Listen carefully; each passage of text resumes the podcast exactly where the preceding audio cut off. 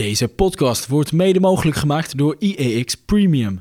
Ons team van 9 beleggingsexperts volgt de markt 24 uur per dag om te speuren naar bijzondere beleggingskansen.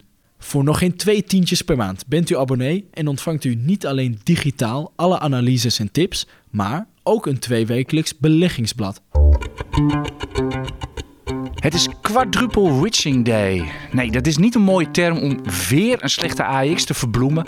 Alle opties expireren namelijk op vandaag. En het is vrijdag 22, 16 september, ik moet wel goed zeggen, vrijdag 16 september 2022. De week, de maand, de dag en de kwartaalopties expireren. Bij de AX gebeurt dat tussen half vier en vier. Misschien dat er dan nog wat beweging is. Niels, weer een rode AX. Kijk jij ervan op? Nou, eigenlijk ja, sinds het inflatiecijfer van dinsdag is toch een beetje de klat er een beetje ingekomen. Want we begonnen de week nog zo mooi. Ik geloof plus 2% voor de AX. Dus ik denk, nou, we hebben er weer zin in. Maar toch uiteindelijk vier van de vijf dagen lager. Ja, dat inflatiecijfer, daar moeten we het nog even uitgebreid over hebben in deze... Ja, u hoort het alweer, dames en heren, de eerste beleggerspodcast, vrijdag 16 september 2022. Tegenover mij staat Niels Koerts, aandelenanalist van, van IX.nl. Mijn naam is Arend Kamp, ik ben marktcommentator van IX.nl. Koen Grutters, hij zit aan de knoppen. Hij zorgt dat dit een mooie gestroomlijnde, professionele podcast wordt. Uiteraard nemen we deze podcast op op Busplein 5, zoals iedere week. En we hebben straks, uh, na de vragen, hebben wij een speciale mystery guest. Dat, uh, dat, wordt heel, dat wordt heel erg leuk. Blijft u dus in ieder geval even, even hangen. Niels, ja, je sloeg de spijker al een beetje op, de, op zijn kop. Is dit ook gewoon jouw nieuws van deze week op de beurs? Dat, dat nu al beruchte inflatiecijfer uit de VS? Nou ja, op het moment als dan dat cijfer uitkomt en uiteindelijk gaat de Nasdaq meer dan 5% omlaag, dan mag je dat wel zien als het cijfer van de week. Want dit was wel een heel extreme uitslag. Het inflatiecijfer zelf 8,3%, waar 8,1% was verwacht is een tegenvaller. Maar om daar nou de beurzen in Amerika met meer dan 4 tot 5 procent te laten dalen, ja, dat vind ik wel heel extreem. Het was zelfs nog wel meer her en der. Want bijvoorbeeld de SOX, de Semiconductor Index. Ja, we kijken natuurlijk nu eenmaal in Nederland met, met ASMI, ASML en BC in de AX.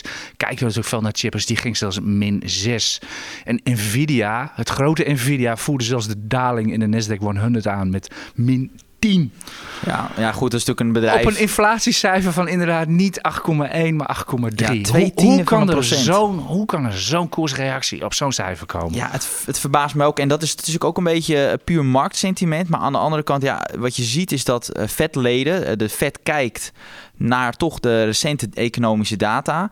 En ook dus ook dit inflatiecijfer. Ja, en op het moment dat dan dat inflatiecijfer echt wel een tikje hoger uitvalt dan verwacht, is dan de vrees dat dan misschien de Fed wel de rente met 100 basispunten gaat verhogen en niet met 75 basispunten. En ja, de rente, dat heeft nou eenmaal gevolgen voor, uh, voor aandelen als de rente omhoog ja, gaat. Ja, dat is, een, dat is een leuke dat je die noemt, van die vette renteverwachtingen. Want inderdaad, om 14 uur 29,59, zeg maar één seconde voordat, uh, voor, de, voor dat inflatiecijfer, was de verwachting voor het vet rentebesluit van volgende week, 22 september, was uh, 100% drie kwartjes. En om één seconde na half drie was dat 20% die vier kwartjes verwachten. Dus was dat percentage van 180 geklapt. En ineens gewoon mensen, er zijn ineens 20% Het was gisteren zelfs al ruim 30% van de markt die volgende week vier kwartjes renteverhoging gaan, uh, gaan verwachten. Dus dan nog is het natuurlijk een buitensporige koersreactie. En dat heeft ook gewoon simpelweg met marktsentiment te maken. Nou, volgens mij hebben wij ons op de, op de markt een beetje voor de gek gehouden. Iedereen staat naar de Amerikaanse gasolineprijzen te kijken. Dat zijn Amerikaanse prijzen aan de pomp. Die kan u echt één op één over het Amerikaanse inflatiecijfer uh, leggen zo ongeveer. Die zijn natuurlijk hard gekelderd in augustus. Dus iedereen hield er stiekem rekening mee dat dat cijfer ging meevallen.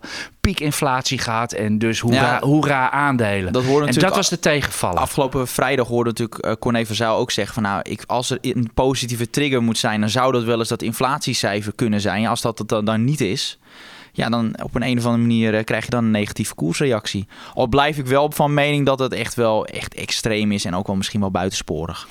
Ja, maar goed, in ieder geval, je noemde het al even, de Amerikaanse rente ging zelfs iets van 15 basispunten omhoog op, op dat cijfer.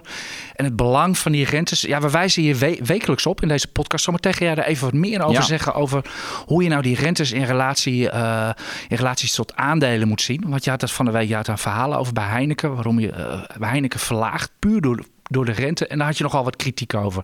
Waar gaan we het nog meer over hebben in deze podcast? We gaan het weer hebben over Philips. Uh, Ja, misschien zijn de mensen het alweer vergeten, Ja, maar het was was maandag. maandag. het aandeel van de dag eh, met, eh, met natuurlijk de actie van de VEB. Dus daar, en daar heb ik een mening over.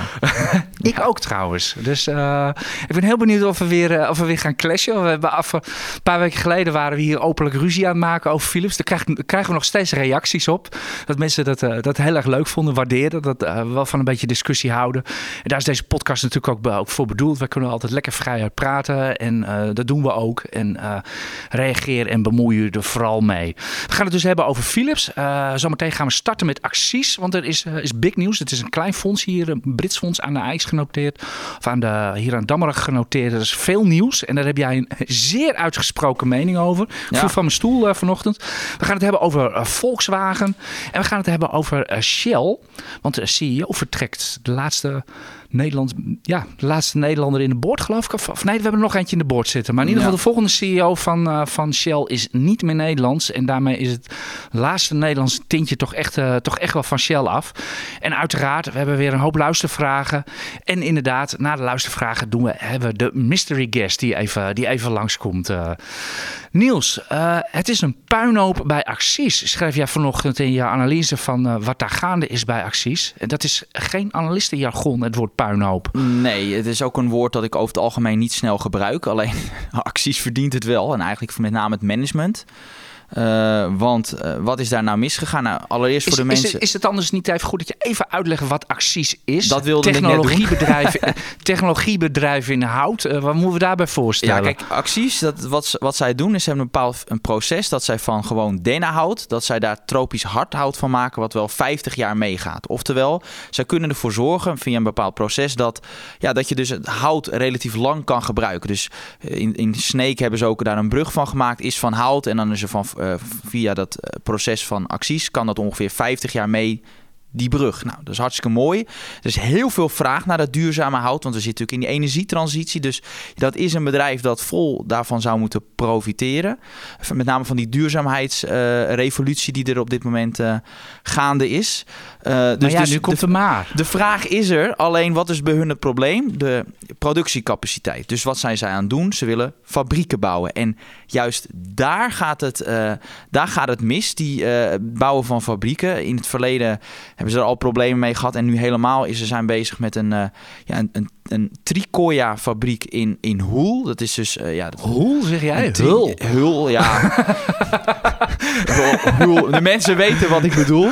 Eh, en ja, wat toch wel extreem is, is dat zij binnen 12 maanden hebben zij nu drie keer een vertraging van, eh, van, die, eh, van die fabriek eh, moeten melden. Oftewel, in eerste instantie gingen ze ervan uit, nou, rond de jaarwisseling hè, 2021, 2022 zou dat rond moeten zijn, zou die fabriek operationeel moeten zijn.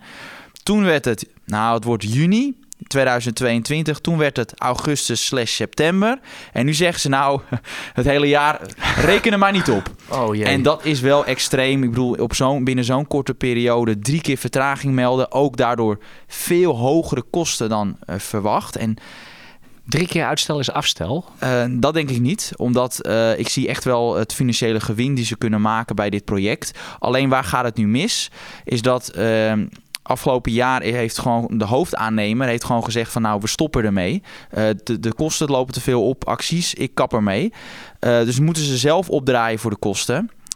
Eh, nou, er kwamen eerst in meer de kosten. Nou, nu blijkt het nog weer veel hoger uit te vallen dan verwacht. En al die partners die met acties samenwerken, die zeggen ja, wij willen daar niet voor opdraaien. Dus moet acties daar waarschijnlijk voor opdraaien. Dus ja, ze zijn in onderhandeling, maar dat loopt allemaal niet goed. Ehm, ja, dat is gewoon echt heel slecht. En ik kan simpelweg niet inschatten, dus ze weten het überhaupt zelf niet eens, hoeveel die kosten van die br- fabriek gaat worden. Dus, en als belegger, ja, het is heel pijnlijk, ik had daar dan een koopadvies voor staan. Ja, op het moment dat ik, dat, dat, dat gaat echt in de papieren lopen. En op het moment dat ik dat niet kan berekenen, en dat heeft echt wel een, een belangrijke ja, indicatie van de waardebepaling van acties. Ik kan dus geen goede waarde geven van acties. En dat is dus een van de redenen waarom ik een no-rating heb gegeven. Dus oftewel geen oordeel van de analist. Nou, dus dat geen doe buy, hold of sell. Nee, dat, dat doen wij bijna nooit. Ooit als, uh, als analisten. Dus omdat ja, mensen die ons lezen willen gewoon weten van wat moet ik met die aandelen doen. En meestal hebben we daar uiteraard een visie over. Alleen ja, ik vind, dit, ik vind het echt een prachtig bedrijf. Dus de ja, manier... Wacht even, jij zit er ook in. Ja, hè? 1% van mijn portefeuille. Maar ja, het is natuurlijk een van nee, de meest... bagatelliseren. Maar ik, zit ik, zit er zelf in.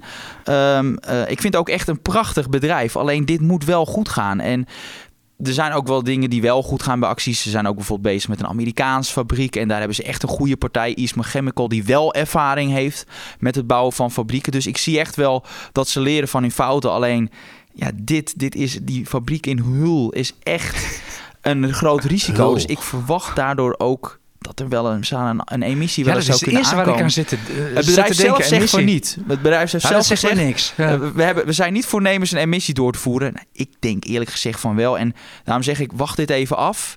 Ik heb zelf die aandelen, dus ik, ik ga ze zelfs niet verkopen. Ook omdat het maar een kleine pluk is. Maar Ga jij meedoen aan de emissie als die er komt? uh, dat hangt er vanaf. Tegen welke voorwaarden. Dus, uh, dus daar kan ik dan geen uitspraak over doen. Maar dit is, ja, het is een, ik, ja, ik blijf erbij. Het is echt wel een bedrijf waarvan ik denk op lange termijn kan je ermee gaan winnen. Maar nu kan ik er geen waarde voor bepalen. Dus een no rating. Moeten dus, ze ja. niet een vlucht naar voren nemen? Ik bedoel, als je van dennenhout tropisch hardhout kan maken, dan kan je ook vast wel van iets goud maken of zo. Uh, nou, zo makkelijk gaat dat niet. Dus, uh, nou, maar ik vind het vooral heel erg jammer naar dit bedrijf toe. Wij hebben gewoon als, ik heb echt wel goed contact ook met het management van dit bedrijf. Maar ja, ik kan er niets anders van maken dan dat ze er gewoon één grote puinhoop van gaan maken. Ja, ik denk dat je nu geen contact meer hebt. Uh, Jawel, die want van vandaag ik, ik heb, het dat is wel zo. Oh. Zeker omdat ik met een echt wel kritisch artikel ben gekomen. En ook met hun in contact sta, heb ik wel gewoon het artikel voorgelegd. Of daar inhoudelijke onjuistheden in staan. En als dat het geval is, kan je altijd nog iets aanpassen. Dus ze wisten wat ging komen. Ik vond dat wel, uh, ja, op een, vond het gewoon op een nette manier dat het bedrijf weet. Ja, want zijn, zijn er veel analisten die dit aan volgen? Vast nee, niet. niet zo heel veel. En dat maakt ook dat wij Ja. dus ook meer sneller toegang hebben tot het management. Omdat ja, als er relatief weinig zakenbankanalisten zijn, dan heb ik daar dus ja, zijn die contacten gewoon beter. Dus Ja. eh, omdat zijn wij ook voor dat bedrijf belangrijker. Ik denk dat wij een van de enigen zijn die hierover schrijven, echt uitgebreid over schrijven over acties in Nederland. Het heeft een Nederlandse notering, dus dan. eh, wil zo'n bedrijf wel uh, ja, in contact met jou staan. Ja, dat, zo- eh, dat zo- hebben wij gemerkt. Ja, zo werkt het. Hebben- Dat, dat het zo misgaat. Is, is dit een klassiek verhaal van, eh, van, van ondernemers, zeg maar? Hè? Willy Wortels hebben een mooie uitvinding gedaan. Ze kunnen echt iets. Maar dat een onderneming opzetten nog even andere koek is. Dat klopt, want dit is, het wordt ook wel eh, in de markt ook wel het, de eeuwige start-up genoemd. Ze zijn er hier al heel lang mee bezig. Ja, wat is en, heel lang? eh, ja, ik geloof al sinds, sinds 2000. En toen was het emissie op emissie. En toen, ja, toen, toen, goed, toen ja, in de jaren 2000 was ik zes jaar, dus kon ik het aan überhaupt niet adviseren. Maar, maar, eh, maar, maar in die tijd hebben ze echt, echt emissie op emissie. Maar nu hebben ze echt wel wat staan. Dus ik durf ik- te wedden dat jij op je zesde al aandelenadviezen gaf. nou, nee, nee. Toen kon ik maar net. eh, ik, toen zat ik geloof ik nog bij de spraakjuffrouw. Dus dat wordt al, was al lastig. Dus eh, nee. Dus dat, En die nee, corrigeerde niet. jij als je het over Aparam had of Oki of... eh, nou ja, goed, nu zijn we flauwkul aan het... eh, Nee, maar in ieder geval, Acties, mooi bedrijf. Alleen eh, leg dit gewoon eventjes weg. Even nog even gewoon even, even de, de situatie afwachten waar ze mee gaan komen. Oké, dan eh, een ander bedrijf waar eh, volop mee eh, problemen mee zijn. En waar de, de VEB, de Vereniging van Effectenbezitters Nederland, nu op is gedoken. Philips. Philips heeft beleggers verkeerd geïnformeerd en dat heeft ze 16 miljard gekost. Komt, u maar, komt u maar door, Philips. Daar komt even in een notendop, eh in, in een one-liner, de hele actie op neer, toch Niels? Eh, ja, daar komt het op neer. Alleen, ja, wat me altijd opvalt met dit soort acties... Ja, een, een partij als de VEB noemt 16 miljard. En die 16 miljard eh, schade die beleggers zouden hebben geleden door, door dit drama... Nou, een drama is het. Alleen 16 miljard, het wordt genoemd. En ik zie in alle media, FD tot de Financiële Telegraaf... iedereen neemt dat maar zomaar over. Maar ja, ik zat en denk, ja, hoe kom je in hemelsnaam op deze 16 miljard? Want... Het is überhaupt nog niet eens bekend hoeveel die schade überhaupt gaat zijn met die uh. Want we hebben nu wel gezien dat ze voor ongeveer een miljard dat er aan voorzieningen zijn geweest voor die terugroepactie.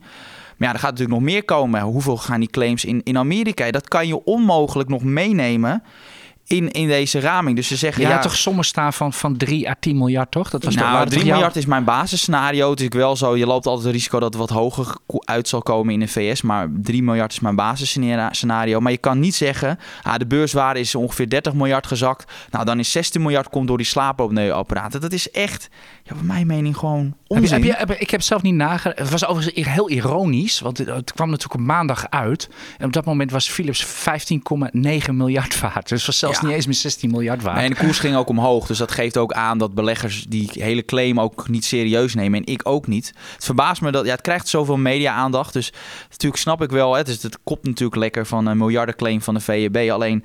Ja, ik vind die 16 miljard nergens op gebaseerd. Dus ik vind ook Waar niet zou die ook vandaan moeten komen? Ik bedoel, eh, Ja, dat is altijd interessant. Ja. Want eh, in het verleden zijn natuurlijk, heeft de VEB natuurlijk wel acties gehad. En dan, wat je dan vaak ziet is dat of topbestuurders moeten een deel betalen. Vaak betalen ze een deel van hun bonussen terug. Wat dan in zo'n pot gaat. Dat hebben we bij Imtech gezien. als, de heer, eh, als de heer Van Houten meeluistert, zet u maar vast uw Ja. boot op marktplaats. dus dus, dus, dus dat, dat, dat zou kunnen. Dus dat, dat er bonussen. Maar goed, dan kom je nooit op 16 miljard. Ja, en dan als stel, Nee. stel, stel, stel dat, dat, dat, dat, dat, dat er een, een settlement zou komen van bijvoorbeeld 10 miljard. Ja, dat is belachelijk. Gaat absoluut niet gebeuren. Hè? Maar stel dat dat zo is. Ja, dan moeten de bestaande aandeelhouders. ja. moeten voormalig aandeelhouders betalen. Maar het zou ook, ik bedoel, ik ben nu ook aandeelhouder. En dat was ik een, een, een anderhalf jaar geleden ook. Dus dan zou ik eigenlijk mezelf moeten gaan betalen. Dat is heel raar. Eh, dus dus Ja, ik het, denk. het is gewoon een sigaar uit eigen doos die je gaat krijgen. ja, dus wat ik Punt. vermoed Ja. is misschien dat er wel iets van een, een schikking komt. Maar dan zal het eerder zo zijn dat bijvoorbeeld bepaalde bestuurders... misschien Van Houten met een bonus misschien inleveren. En helemaal, en daar vind ik waar je wel naar moet kijken... is misschien het management die verantwoordelijk is geweest... direct verantwoordelijk is geweest voor die slaapapneuapparaten. Die ook het feit dat er dus dingen niet goed gingen... die mis waren, dat ze dat hebben verzwegen. Ja, daar zou je wel naar kunnen kijken van... goh, zouden die niet ja, misschien eh, moeten gaan betalen? Ja, maar het, geloof- het was, ja. het was al vanaf. Dat wij, hebben het hier. eh, U kunt, u al onze podcast terugluisteren. Vanaf vorig jaar juni al, toen, we- of juli, toen de cijfers uitkwamen. Toen, toen zeiden wij al van. Philips vertelt niet alles. Toen speelde die affaire een paar maanden. En bij iedere kwartaalcijfers was dat gewoon, was dat gewoon weer het geval. En we hebben zelfs in januari gezegd van toen er weer informatie... eh, toen weer bleek dat er eh, allerlei informatie achter werd gehouden. En we zo zaten van ja, wat gaat er nog meer aankomen? Zeiden we ook dat meneer Van Houten bij de, de era zichzelf eh, kon houden. Dat is ons niet in dank afgenomen. We Maar ik hebben wel vrees, ik uiteindelijk vrees een dat we wel helaas achteraf wel gelijk, gelijk hebben gekregen. Maar nog even, even die 16 miljard, is dat, is dat gewoon gecorrigeerd voor de AX-daling, de, de extra daling die, die, die Philips heeft gemaakt? Ik, ik, ik vind het verbazingwekkend. Ik weet hoe ze daarop komen. Omdat, vergeet niet, dat is in die laatste anderhalf jaar... hebben ze ook iets van vier winstwaarschuwingen gehad. Omdat ook de onderliggende business gewoon minder goed draait dan eerder was verwacht. Omdat ja, door die problemen ook in die eh, toeleveringsketens... Is, hebben ze gemerkt gewoon dat ze daar problemen mee hebben. En dat is die vier winstwaarschuwingen... die dus niet altijd van doen hebben gehad met die slaapapneuapparaten... die hebben ook gezorgd voor die koersdaling. Dus... Ja, om dit, ik, ik, ik, ik vrees het een beetje. Ja, natuurlijk mag als je lid bent van de VEB, je kan altijd meedoen. Maar ik, ik denk niet dat je daar heel veel beter van gaat worden. Nee, je, zou- je zou misschien wel wat kunnen krijgen. Dit, dit soort acties leveren meestal nooit zoveel op. Dus daar is wel bij Fortis. Daar Ja. kwam uiteindelijk nog wel 1,3 miljard terug. Maar uiteindelijk, het, het compenseert maar voor een heel klein deel uiteindelijk de verliezen die je hebt geleden. De zaak Fortis was ook wel anders. Want toen eh, ja, hadden ze niet, niet. dat, lusten de honden geen brood toen hadden ze van. ook slecht geïnformeerd of zaken over die giftige hypotheken niet gecommuniceerd, maar wel een emissie doorgevoerd. Ja, Ja, dat- is wel iets anders, hè? Ja, dat heeft Philips niet gedaan. Nou ja, uiteindelijk is het grootste schandaal nog dat er nooit iemand voor veroordeeld is daar bij Nee. Fortis. Die zijn er allemaal mee, eh, die zijn allemaal mee weggekomen. Maar laten, laten, we, laten we het daar maar niet over hebben. Maar volgens mij is, zijn dit, dit, dit, dit soort acties. Ik vind ze altijd zinloos. Ik- daar ga ik geen vrienden mee maken, eh, dat weet ik. En het is ook niet zozeer principieel ingegeven, want het is inderdaad. we zijn voor de gek gehouden door Philips. Laten we het beestje maar gewoon bij, bij de naam noemen. Dat klopt niet en dat deugt niet. En daar zou je vergoeding voor moeten hebben. Maar zoals jij al zegt, het is een sigaar uit eigen doos. Het kost je altijd waanzinnig veel tijd en energie en, en, en weet ik veel wat. Steek dat gewoon, neem u niet en steek dat gewoon in nieuwe beleggingen. Daar ben ik het dan niet helemaal mee eens. Ook al is het maar een klein bedrag. Het hoeft niet altijd een sigaar uit de eigen doos te zijn. Want als het van managers komt, bepaalde bonussen, dan ra- raakt jou dat als Ja, maar wat aandeelhouder krijg je dan per aandeel? Nee, joh? het is niet Dat- heel veel. Nee, maar, ja, maar dat betekent niet misschien dat je de moeite erin kan steken. En als er een partij is die dat voor jou bereid is om dat te doen.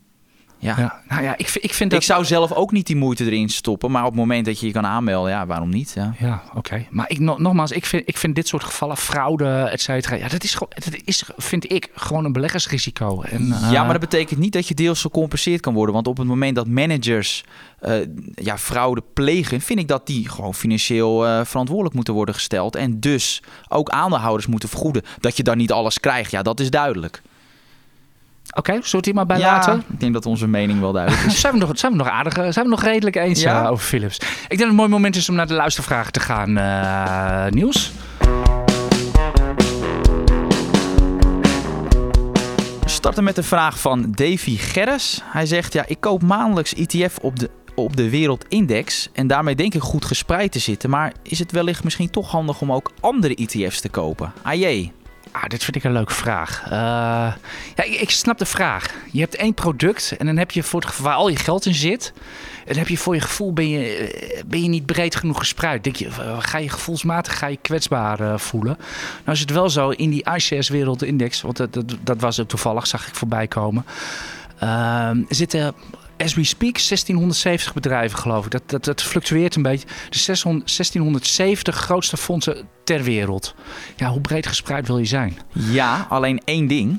S- 70% van die wereldindex, dat zijn beleggingen die noteren in dollars. En als wij eh, onze koopkracht is in euro's, en dan is natuurlijk de vraag: wil jij zoveel dollar exposure hebben? Uiteraard, ik weet dat de meeste bedrijven Dit jaar zeker wil je die dollar exposure de hebben. afgelopen jaren heeft het goed uitgepakt. Ja. Maar je moet natuurlijk ook wat verder kijken. Dan denk ik wel, als je in zo'n groot eh, percentage deel in buitenlandse valuta zit, zou, ik, zou het niet verkeerd zijn om dan ook misschien een, ETF te kopen die- gericht is op de Europese markt. En mooi is de Stocks Europe eh, 600. Zo, om daar ook een deel van je geld eh, te stoppen. Want die bedrijven halen allemaal, eh, die zijn allemaal genoteerd in dollar of in euro's. Halen uiteraard ook wel een deel van hun geld in het buitenland. Maar dan heb je toch iets meer exposure naar de euro's. Ik weet dat dat nu niet aantrekkelijk lijkt, omdat de euro eigenlijk alleen maar daalt.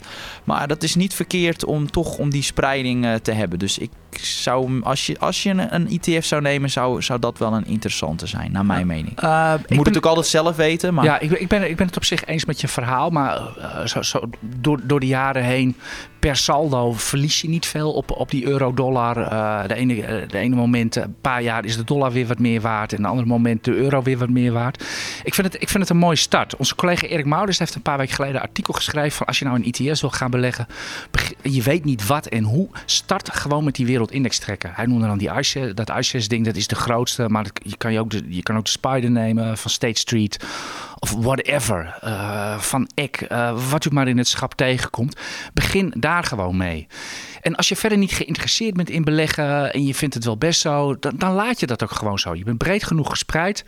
Heeft beleggen echt je interesse? Ga je ermee bezig? Ga je erover nadenken? cetera? Dan- Dan komen, dan komen er vanzelf komen de dingen bovendrijven wat jij wil. Net wat jij zegt, dan wil je misschien wat meer eurospreiding. Of je mis- misschien vindt het misschien leuk om in emerging markets te gaan beleggen. Dat soort dingen wijzen zich vanzelf in de loop van de jaren. Ja, wat je, wat je ook- dan bij kunt gaan ook doen. al volg je het niet echt de markt, dan vind ik toch wel zo'n zo'n zo'n zo'n eh, euro-trekker dan als het ware op het gebied van Europese bedrijven. Ja, ik vind dat eerlijk gezegd in een ETF-portefeuille wel thuis horen. Het is natuurlijk geen individueel beleggingsadvies, mensen moeten dat zelf weten. Maar als ik echt een ETF-belegger zou zijn, dan zou ik ook wel degelijk naast de wereldindex ook, eh, ja, ook zo'n eh, Stocks Europe 600 ETF. Ja, ik heb dat een heb klein een beetje Je exposure naar de emerging gelijk. Ik, ik, ik heb mijn geld daar ook op staan. Ik, ik zit zelf ook in die, die wereldindex trekker. Eh, ik, ik doe dat zowel bij Saxo in Vanguard als bij Brand New Day. Waar ik een pensioenregeling heb lopen. Verder heb ik trekkers op de AX en AMX. En dat doe ik louter en alleen omdat ik me met die fondsen bemoei. En dus ook gewoon mijn geld in wil hebben zitten. Hè. Als ik wat over PostNL zeg of wat dan ook. Of niet zulke aardige dingen over Philips. Mijn geld zit er wel in. Eh, dus daarom heb ik ze. En ik heb ook inderdaad, eh, ik heb Eurostox dividenden of Euro Dividend Aristocrats heb ik. En die heb ik echt puur voor die euro gekocht. Want inderdaad, die wereldindex trekker, eh, die is wel, heeft, wel heel erg, eh, heeft wel heel erg dollar exposure. Helder. Volgens mij hebben we deze vraag waanzinnig eh, uitgebreid beantwoord. Juist, Laten eh, we gauw we doorgaan. aan- ja. Een vraag van Benny Kiers. En hij vraagt: Denken jullie dat de meeste bedrijven hun dividend volgend jaar kunnen handhaven? slaven. Dividend aristocrat zeker, waar ik Ja. het net over heb. Bij de rest eh, moet je het afwachten. Bij defensieve aandelen hoef je daar hoef je doorgaans niet bang te zijn eh, voor kortingen. Dat zullen ze niet snel doen. Verhogen. Shell hoef je geen zorgen te maken. Ahold of ze gaan verhogen, dat is, dat is natuurlijk Ja. een ander verhaal. Als er echt een recessie komt en de winsten vallen tegen, zullen ze er misschien voorzichtig mee zijn. En als er wat geld over is, daar liever even wat aandelen voor inkopen of, of andere dingen doen. Eh, bij cyclische aandelen loop je wel heel veel risico. Want Bijvoorbeeld Randstad, Ja, heb je de, banken. Verzekeraars denk ik wel dat je redelijk goed zit. Eh, banken is wel een klein risicootje. Zeker als, als het echt een crisis komt en dat dan de, bijvoorbeeld de, de, toezichthouder zegt van nou we willen niet dat banken dividenden gaan uitkeren. Dus daar zit je wel in. Als je kijkt naar de A-mix, denk ik wel een echte gegadigde voor een dividendverlaging is PostNL. Je hebt hem al net genoemd, maar als ik er één op de kaart zou moeten zetten, zeggen waar je echt niet zeker bent van een dividendhandhaving en waarschijnlijk ja, de kans is heel groot dat ze verlagen, is denk ik toch wel PostNL. Dus uh, gaat de markt wel van, gaat de, denk ik. Ja, dat soort aandelen. Ja. AMG, EPREM, uh, zeg ik het een keer goed. ArcelorMittal, die zeer cyclische fondsen. Als, daar, als die weer verlies gaan leiden in een kwartaal of wat dan ook. Kan het maar zo zijn dat ze dividend gaan korten of, uh, of passeren. Maar ik denk het meerderendeel zou wel kunnen verhogen. Dus over de brede linie denk ik wel dat je goed zit. Alleen met name wat je zei, die cyclische, dan uh, moet je even mee uitkijken. Ja, en, uh, ja, en dit, dit zijn inderdaad, dit zijn het ook de jaren dat je naar dividend aristocrats gaat kijken. Want die verhogen dus echt letterlijk altijd. Dan gaan we verder. Een vraag van bekeersemakers. Is het nu goed of slecht als de bedrijfsvoorraden of olievoorraden stijgen? In principe niet. Want ja, voorraden kost gewoon geld. We, zitten hier in Amsterdam. Dat was vroeger beroemd op zijn stapelmarkten. Ja, toen, uh, maar er was er wel eens natuurlijk wat uh, haperingen in aanvoer. En hongersnood kwam nog vaak voor. Maar in de loop van de eeuwen, eigenlijk tot, nou, laten we zeggen tot twee jaar terug... was het hoe minder voorraad, hoe beter. Kijk naar uw eigen Albert Heijn om de hoek. Dat is, is gewoon geen magazijn. Alles gaat zo vanuit de vrachtwagen zo de winkel in. Voorraad aanhouden is duur. Maar, dat ga jij nu denk ik vertellen Niels. De afgelopen twee jaar is iets veranderd. Ja, en dan waardeerde het markt nog wel dat de voorraden wat omhoog gingen. Omdat wat je zag door die uh, problemen in die toeleveringsketens, moeten bedrijven dan ook wel hogere voorraden aanhouden. Zodat ze ja, hun, uh, ja, hun uh, zeker zijn dat ze ook kunnen leveren. Dus dat zie je bijvoorbeeld bij, bij veel bedrijven. Een ander voorbeeld is bijvoorbeeld Alphen. Ja, die zijn juist heel goed bezig geweest door hun voorraden juist te verhogen. Zodat ze door kunnen gaan met leveren van onder andere die laadpalen. Ja, dus, die hebben dat zelfs echt fors gedaan. Want ja. ik bedoel, de kaststroom was negatief. Ja. Klopt. Dus, uh, dus, dus in deze tijd is dat nog niet eens zo heel slecht. Het is wel zo, als die hogere voorraad een gevolg is van vraaguitval, ja, dat wil je dus niet. Hè? Maar, uh, maar, maar nu zag je met name dat, dat die voorraden opliepen, omdat gewoon bedrijven ja, die ja, daarop willen inspelen, op die problemen met die toeleveringsketens. Dus ja, hoe kan je dat tegengaan door wat hogere voorraden aan te leggen? Ja, en wat dat betreft, het is alweer halverwege de maand. Uh, wijs ik u nu alvast op de Navy Inkoopmanagers Index, die straks op 1 oktober gaat, gaat uitkomen. Als dat inmiddels, tenminste een door de weekse dag is. Want het aantal nieuwe orders in die deel, een deelindex van, van die, van die inkoopmanagers in, liep sterk terug de afgelopen tijd. En dat is natuurlijk echt funest voor, de, voor het productiegegeven van onze bedrijven. Uh, tot slot een vraag van Jerry. Mannen, hoe staan jullie tegenover het beleggen in de automobielindustrie? Ik denk dat ik deze vraag misschien eventjes ga oppakken. Ja, want ik snap, we, ja, gaan, we, gaan het over, we gaan het over Volkswagen hebben, ja, toch? Want, want ik merk dat er best wel veel interesse is in die automobielindustrie om in te beleggen. Met name in die Europese auto-aandelen, automobielaandelen, zie je dat, dat dat komt waarschijnlijk door die hele lage waardering. Ik bedoel, ja, Volkswagen gewaardeerd tegen nog geen vier keer de verwachte winst. Ja, dan snap ik nou, dat, wellicht liggen daar kansen. Tesla heeft een iets andere waardering. Ja, dus dat is wat hoger. Um, ja, dus, dus maar wat ik wel wil meegeven, een lage koers-winstverhouding is mooi. Alleen je moet wel uh, kijken, van, er is vaak wel ook een reden voor. En ja, er spelen nog ja, de, markt, de markt laat geen cent liggen. Nee, dus, en, er is en, altijd een reden voor dat iets duur of goedkoop is. En met name wat natuurlijk meespeelt, recessieangst. Nou, die automobielindustrie extreem cyclisch hoge energieprijzen, wat natuurlijk hun raakt, omdat dan die productiekosten omhoog gaan. En bij veel uh, autobedrijven zijn vaak die marges liggen al laag. Dus als dan die energieprijzen echt door het dak gaan, dan ja, gaan, staan ook die marges stevig onder druk. En, wat natuurlijk nog wel belangrijker, die transitie die met name die Duitse automobielmakers moeten maken. Die transitie van benzine slash diesel naar elektriciteit. Ja, dat, daar zit gewoon veel geld in om die transitie te maken. Ja, tientallen miljarden per bedrijf. Moeten ze extreem veel uh, voor investeren. En dat geld gaat in eerste instantie niet naar de aandeelhouders. Dus, uh, en, in dat opzicht ligt een Tesla natuurlijk voorop. Want die zijn er al mee bezig en die behalen al hoge marges. En dat maakt ook dat. Uh, en ze zijn ook trouwens beter als het gaat om, uh, ja, om die spullen, die elektronische componenten die je nodig hebt. Ja, dat weet zo'n Tesla, omdat ze het vaak ook zelf maken, weet dat veel goed beter te regelen. Dus ja, die weten gewoon hogere marges te behalen. En dat maakt ook dat een Tesla hoger gewaardeerd is. Het is wel zo, Volkswagen ben ik wel op zich, ik heb ze zelf ook, Volkswagen ben ik in geïnteresseerd. Ook omdat nog die, ja, een onderdeel van hun is ook Porsche. En dat gaat naar de beurs. En Heb jij nou- ze echt voor Porsche? Of, eh? Nee, ik heb ze al wat, wat langer. Dat is meer omdat ik verwacht dat Volkswagen, als het gaat om de Europese automobielindustrie, dat zij het vers voor liggen als het gaat om elektrisch rijden. En ik zie daar de toekomst in. Maar Porsche is natuurlijk wel mooi meegenomen. Want ja, de waardering van Porsche, als die IPO doorgaat, dat ligt komt bijna overeen met heel Volkswagen. Dus ja, ja, dat, dat, kan wat twee weken, ja, twee weken geleden Ja. in deze podcast uitgelegd. Heb gewoon de marges meegegeven. Ferrari, die deze week trouwens met een eh, SUV op de markt kwamen. Koen, weet jij de naam van dat eh, ding, eh, van die nieuwe Ferrari? Jij bent ontzettend... Hoe? Purosangue. Nou ja, je had het even in de microfoon moeten zeggen. Je zegt het zo mooi. In ieder geval, eh, die maken iets van 25% op hun auto's. Eh, Porsche naar schatting 16. Eh, Volkswagen maakt op uh, golfjes en polo's iets van 2, 3%. Dat is gewoon niets. En als je dan niets. hogere energieprijzen krijgt, nou, dan is gewoon geen marge ja, en, meer. en, en, en de chips uit de wasmachines moet halen omdat je, dat ze niet te krijgen zijn, dan, ja, dan wordt het heel lastig. Ja, maar dat geeft, dat geeft inderdaad al aan die interesse die er is in, in, in, in Porsche inderdaad, maar ook, ook Ferrari, wat het geweldig doet, dat aandeel. Gaan we een beetje die kant op, dat we een soort van een paar hoge merken hebben, hoge marges, wat ongetwijfeld dure aandelen eh, zijn en daaronder zeg maar het plebs met lage marges en eh Pompema. Kan, dat kan wel degelijk. Alleen dus, maar eh, ja, als je echt kijkt naar deze sector, ik vind het echt wel een interessante sector. Alleen wees daar dus wel voorzichtig mee, omdat dit een bovengemiddelde, qua risico, bijvoorbeeld echt bovengemiddelde risico's lopen hier als belegger. Dus hou die posities klein, maar eh, we zien wel degelijk kansen. En ik geloof, we hebben recent ook eh, op de site ook een analyse staan eh, voor het aandeel Volkswagen ten aanzien van die beursgang van Porsche. Dus nou ja, voor de mensen die dat willen lezen, ga gewoon naar de site. Ja, ja, in ieder geval het beste advies. Als je heel graag die, die aandelen Porsche wil hebben, dan is het eenvoudigste advies is koop gewoon aandelen VW. Want dan krijgt u ze vanzelf. En dan nu, de met veel bombardie aangekondigde mystery guest hier in de EX Beleggers podcast. U hebt het natuurlijk allemaal gezien de afgelopen maanden. U hebt er misschien zelfs wel ingestaan. Die enorme chaos op Schiphol. En ja, de directeur, meneer Benschop, die bleef gewoon zitten. Die trok zich nergens wat van aan. Afgelopen donderdag twitterde Itke de Jong, dat is de uh, Schiphol en Frans KLM-verslaggever van, uh, van de Telegraaf, die twitterde... Jacko, de beursaap, die kan nog beter Schiphol besturen dan meneer Benschop. Een dag later was meneer Benschop weg, want blijkbaar weet hij wie Jacko de beursaap is. En hier naast mij staat Pieter Kort... Hij is, in normale dagen is hij hoofdcontent van ix.nl, maar in jouw vrije tijd ben jij de verzorger van Jacko de beursaap. Want die bestaat echt en hij is van ons. Ga maar kijken op beursgorilla.nl, Jacko de beursaap.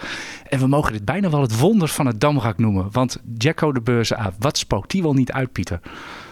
Ja, Jacko is, is inderdaad een klein wonder, kan ik je wel stellen. Uh, uh, voor de mensen die de beursgorilla niet kennen. Maar die term uh, valt heel vaak. Hè? In het journaal, wordt zelfs in het journaal gebruikt. De, de beursaap doet het beter. En valt te pas in te onpas. Maar we houden echt een trekrecord bij. Zeker, maar dat doen we al sinds 2000. Hè? Volgens mij is dit zo'n beetje het langslopende experiment... waarbij zeg maar, het toeval uh, je beleggingen helemaal bepaalt. Want dat doen we met, met deze beurs, met deze beursaap. Die gorilla die trekt elke maand uh, een banaan uit een mandje. En dat aandeel verkopen we dan.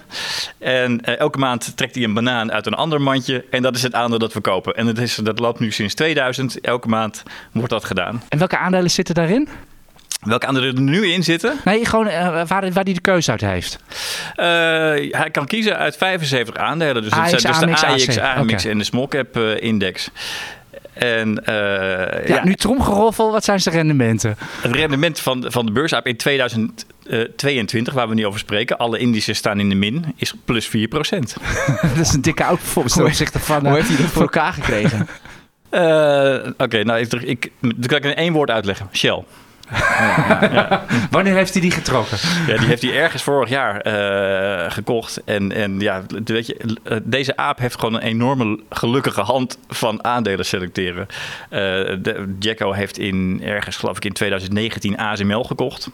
Schot in de roos. Schot in de roos. En is er ook uh, nooit heeft, uitgegaan. Heeft, ik wou zeggen, heeft hij ook gewoon al die jaren ook niet meer verkocht. Niet meer uit zijn mandje getrokken. En vervolgens is, die, uh, is dat gelopen. En ja, dat heeft heel veel van zijn outperformance uh, verklaard.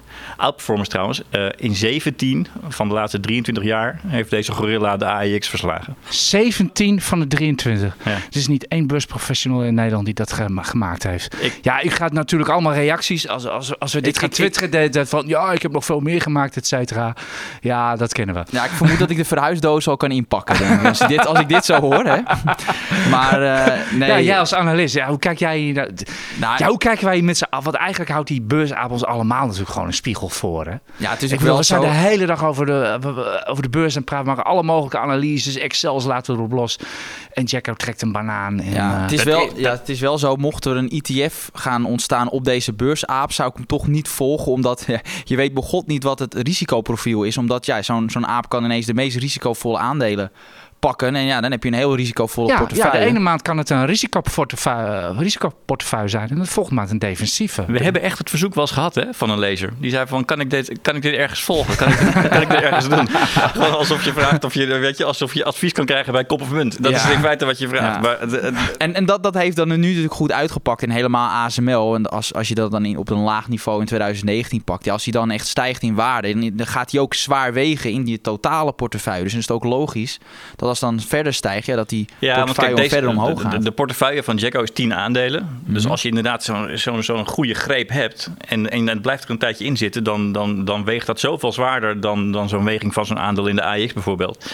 Ja, dan, dan is outperformance, dan, dat kan je dan bijna niet meer vermijden, zeg ja, maar. ik, bedoel, ik neem maar dat Shell nu gewoon overweging heeft. Ja, Shell is een hele dikke overweging zelfs in, in de portefeuille. Nee, serieus. En, en ik denk, ik denk wel zijn grootste geluk is dat hij nooit Air France KLM eruit gepakt heeft. Ja, of BAM, of, eh, Nee. Integ.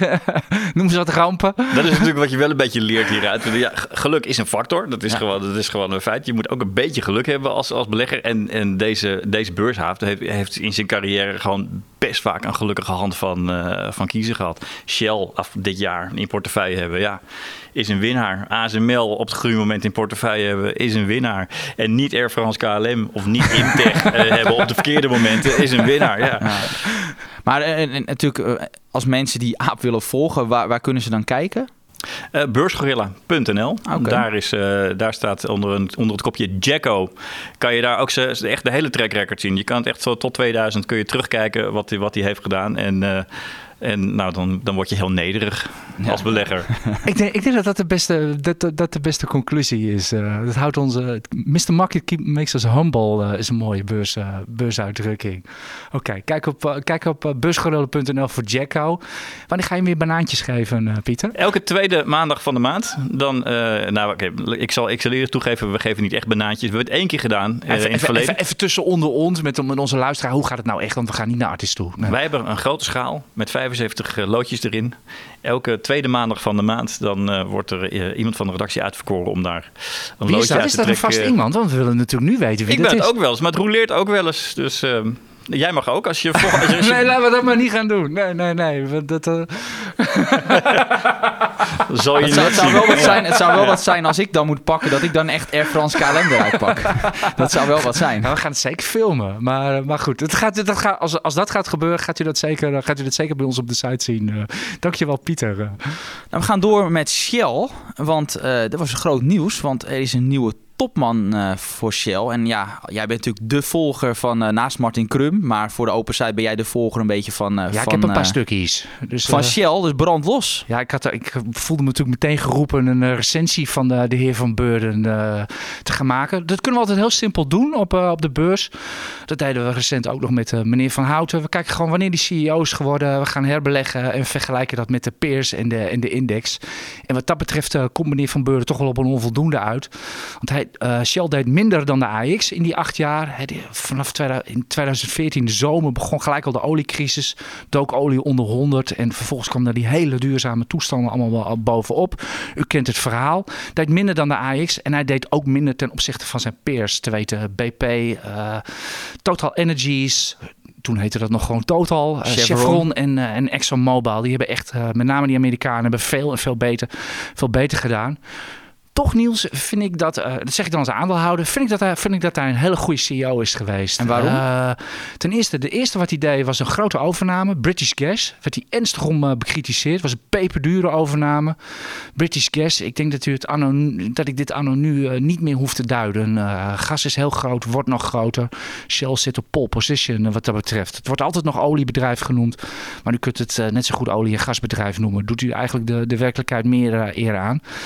Wat ik vind dat hij ook heel goed gedaan heeft, is hoe hij het eh, concern door die, ik zei het al, die- ja, dat was Mag ik het een duurzame hetze noemen die er in Nederland tegen Shell was? Nou, vind ik wel wat ver gaan. Maar van, van bepaalde groeperingen, ja, die ja, verzetten zich wel tegen Shell. Nou ja, in ieder geval in de, in de media kwamen inderdaad veel, ja, je zegt wel actiegroepen, actievoerders, et cetera. Het was, was niet te misverstaan uh, taal, maar natuurlijk ook alle grote beleggers die zeer kritisch keken naar uh, fossiel. Heel veel Nederlandse fondsbeheerders uh, zijn, zijn eruit. Uh, de ABP is natuurlijk het bekendste voorbeeld wat er vorig jaar, precies een jaar geleden, ook uitging.